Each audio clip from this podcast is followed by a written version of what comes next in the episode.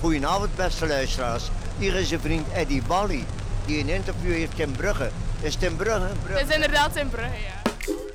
In 2010 opende Villa Bota voor het eerst de deuren van de radiostudio in het Brugse Astridpark. We zijn 10 jaar, 116 radioshows en tienduizenden uren live radio later. Vandaag is Villa Bota een hotspot die Brugse jongeren bij elkaar brengt.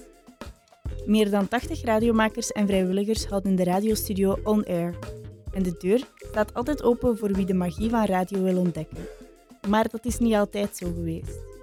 Ik ben Ine en ik ging voor jullie op zoek naar verhalen uit het tienjarig bestaan. In deze eerste aflevering volgen we de opstart van Villa Bota. Van nierdialysecentrum tot jongerenradio. Um, dit was Villa Bota, was vroeger, uh, is nog altijd een gebouw van het OCMW van Brugge. En dit was eigenlijk een afdeling van een ziekenhuis en er werd hier nierdialyse gedaan. Maar door nieuwe wetgeving was dat niet langer mogelijk om, die, om hier een ziekenhuisfunctie te hebben. En dus die ruimte kwam vrij. En dan is de stad op zoek gegaan naar mogelijke invullingen. Het was al heel snel duidelijk dat ze hier een soort ontmoetingsplaats uh, wilden voor uh, jongeren uit de buurt, een stuk. Um, maar er waren nog meer ruimtes en dan zijn ze op zoek gegaan naar een invulling.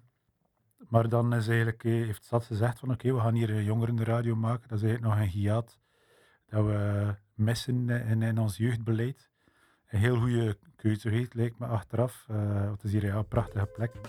Je hoorde Wannes Vreemhout, de allereerste radiocoördinator van Villa Bota. Op 30 april 2010 werd de radiowerking samen met de website gelanceerd. Dus um, ik kreeg de opdracht van Stad Brugge om een jongerenradio uit de grond te stampen. Um, en dan ben ik beginnen bellen.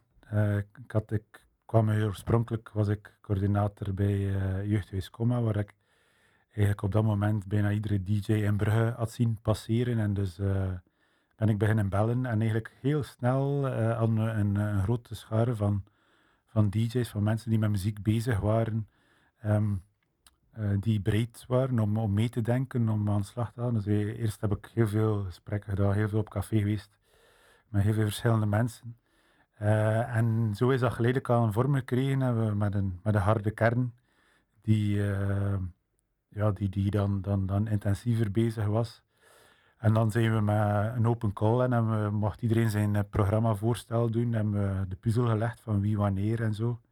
En ik denk dat we eigenlijk al ja, met, een, met een 40, 45 uh, radiomakers zaten. En eigenlijk direct een aanbod van iedere dag 1 à 2, zelfs 3 uur uh, radio konden aanbieden uh, op heel korte termijn. En dat is eigenlijk ja, stap voor stap blijven groeien uh, al die jaren. Um, ja, we, we, hebben behoorlijk tegen deadline gewerkt. En dat is eigenlijk de, de avond voordien of de nacht voordien toch uh, ettelijke uurtjes in de nacht verder gewerkt aan de website om die de volgende dag te kunnen online zetten. maar we hadden één iets over het hoofd gezien. Um, was dat op 30 april toen nog in Nederland um, Koninginnedag gevierd werd. en onze provider was een Nederlandse firma. En dus op het moment zelf, op het cruciale moment van oké, okay, we hebben een go, we gaan onze website online zetten, gaf onze provider in Nederland niet thuis. Sorry, op Koninginnedag zijn we niet beschikbaar. Um, maar uiteindelijk is alles goed gegaan. Uh, hebben we een Nederlander gevonden die nog niet uh, poepeloeren zat was. Um, en hebben we eigenlijk op tijd alles online kunnen zien en is onze show eigenlijk uh, goed kunnen starten. Met enkele minuten vertraging wegens een technieker die nog even op het toilet zit een stresskakje te doen. Uh, maar dat is ja, een toffe anekdote. Ehm, dus we hebben eigenlijk een live show gedaan van twee uur, een opstartshow. Um, maar eigenlijk waar dat we begonnen met ja, de eerste plaats. de eerste plaats was um, de Pope of Dope van de Subs. I am the Pope of Dope. I come from California, dirty south from Belgium. Wah, wah, wah.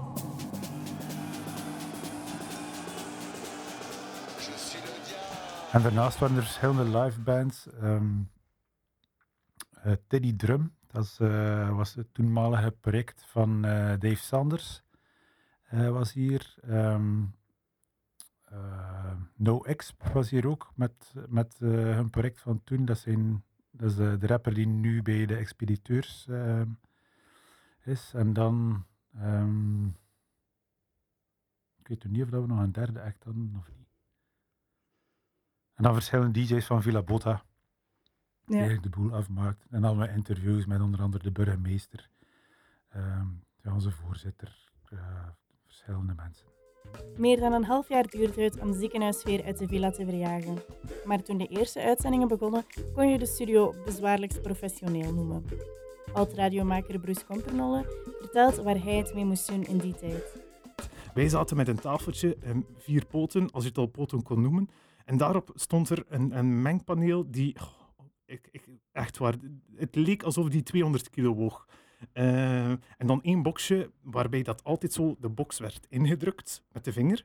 Dat was zo een boxje zonder haas ervoor, dat je echt zo nog die, die oude speaker ziet. En dat was altijd ingedrukt. Waarschijnlijk iemand die per ongeluk altijd, of, of die daar per se wou aankomen.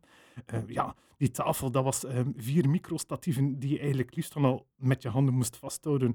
Of, eh, ofwel moest je zo soms een keer eh, je onder tafel bukken, omdat die microstatieven eigenlijk echt aan het zakken waren. Ehm, het, was, het, was, het werkte allemaal perfect. Ehm, maar ja, hetgene dat nu is, het is, het is, het is een ongelooflijk verschil. En dan nog ook, ja, je was dan soms een programma aan het opnemen of, of gewoon live aan het maken.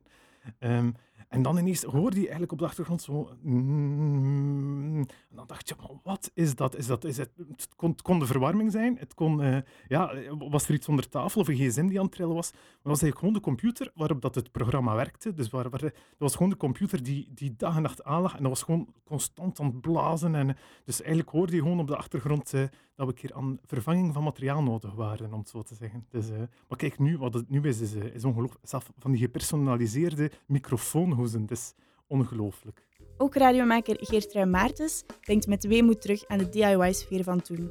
Al kon ook het decor een opknapbeurt gebruiken.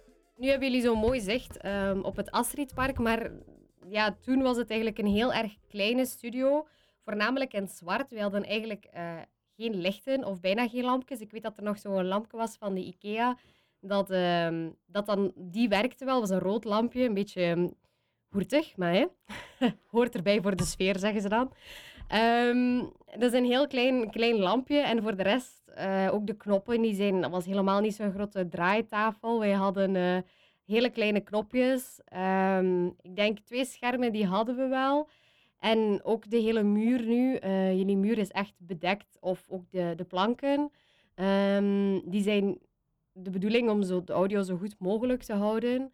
Ja, dat was bij ons helemaal niet zo. Um, uiteindelijk, die planken, die ken ik wel, die hingen toen aan de andere kant. Uh, dus die zijn er later wel gekomen, maar die waren er ook helemaal niet van in het begin. Ik denk ook dat de, de chauffage, ik weet niet of die nu al werkte, maar die werkte toen voor geen meter. En de vloer in het, dan eigenlijk de redactieruimte, die vloer was ook volledig kapot. Ik weet, niet, ik weet eigenlijk niet hoe die er nu aan toe is, ik heb er niet op gelet. Maar dat was toen een hele kapotte vloer waarvan dat ze echt moeten vragen hebben, denk ik, of moeten smeken hebben om die um, ja, omgezet te krijgen. Want vroeger was het een gebouw van het OCME, dacht ik.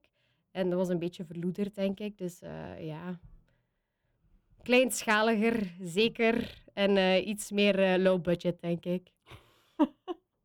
um, het was inderdaad allemaal wat, uh, wat kleinschaliger. Ik denk dat er toen ook niemand iets zei als we nog een, een pintje zaten te drinken in de studio. Ik weet dat dat nu ook niet meer mag. Nu mag je op, moet je oppassen voor het materiaal. Um, dus er zal af en toe ook wel wat zat radio gemaakt zijn, uh, zeker.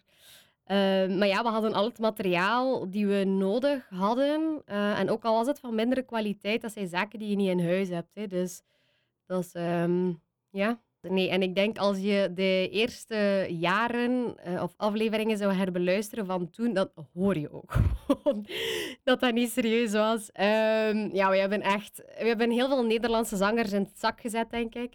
We hebben heel vaak, uh, omdat ja, Nederlanders die kennen niet zo goed wel wat de nationale zenders zijn in België. Dus ik weet dat wij bijvoorbeeld uh, Sandro Silva gebeld hebben, zanger Rinus gebeld hebben. Met Romana. Um, DJ Chesto, denk ik, zelf ook gebeld hebben, die toen nog populair was. Um, dus we hebben heel veel Nederlandse artiesten, denk ik, gepromoot, omdat het handig was. Wij konden hen vragen van, uh, oké, kunnen, we, uh, kunnen we een interview doen? En ja, zeker. Hè. Dachten waarschijnlijk ook in België, anders komen we daar toch nooit. Dus doe maar. Um, dus ja, op dat moment was het ook... Het programma dat we maakten was Monday Maniacs. Dat is het eerste programma waaraan ik meegewerkt heb. En dat was voor studenten. Dus dat klonk ook heel studenticoos. Wij, hadden, eh, wij gingen altijd door de kranten en dan niet de harde actualiteit, maar dan echt ehm, ja, over iemand die 106 jaar geworden is en de grootste taart gekregen heeft of zo. Dan ja, van die prijzen winnen die maar halve prijzen waren. Uh, je kon wijze van spreken een, een sleutelanger die we gevonden hadden op straat onderweg naar de studio, die gingen we dan gaan verloten.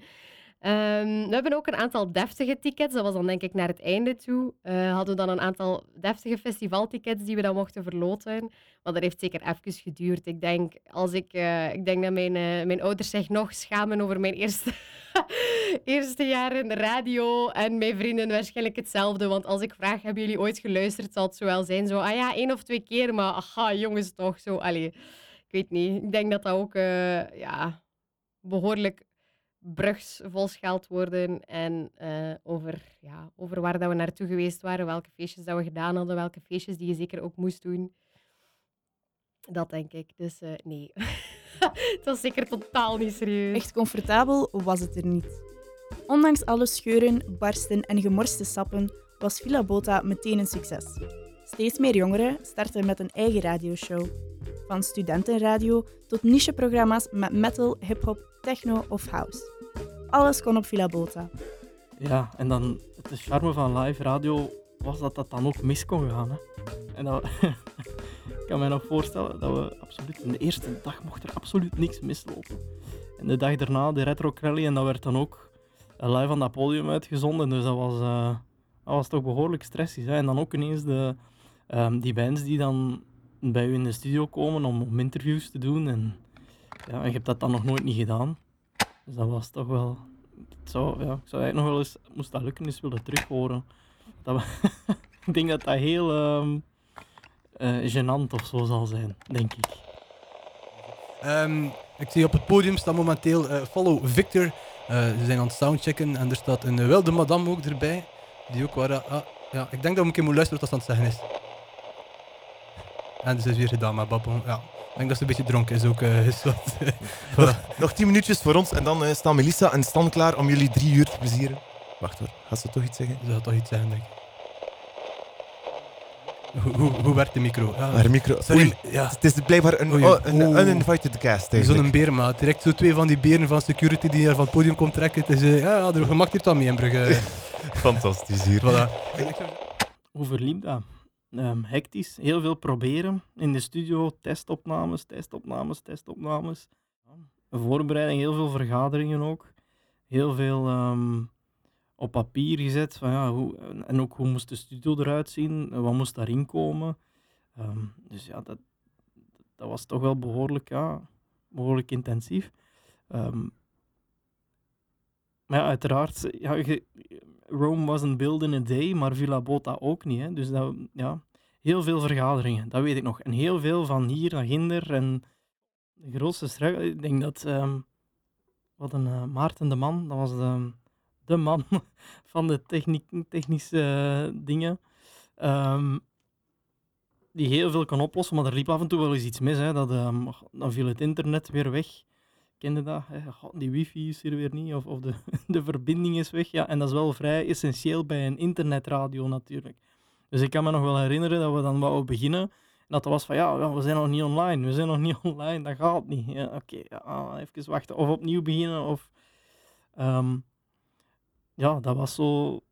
Ik weet nog niet of dat tien jaar geleden, 2010 was het internet nu toch al vrij ingeburgerd. Maar ja, toen had je nog wel van dat, dat het internet niet sterk genoeg was. Of we waren op locatie vooruit om uit te zenden, wat we ook dikwijls gedaan hebben. Um, en dat je dan op locatie er eens achter komt, ja, de verbinding is hier niet goed. Ik heb ook wel eens een zaterdag voormiddag hier gestaan om voor de zondagavond op te nemen, omdat dat echt niet lukte.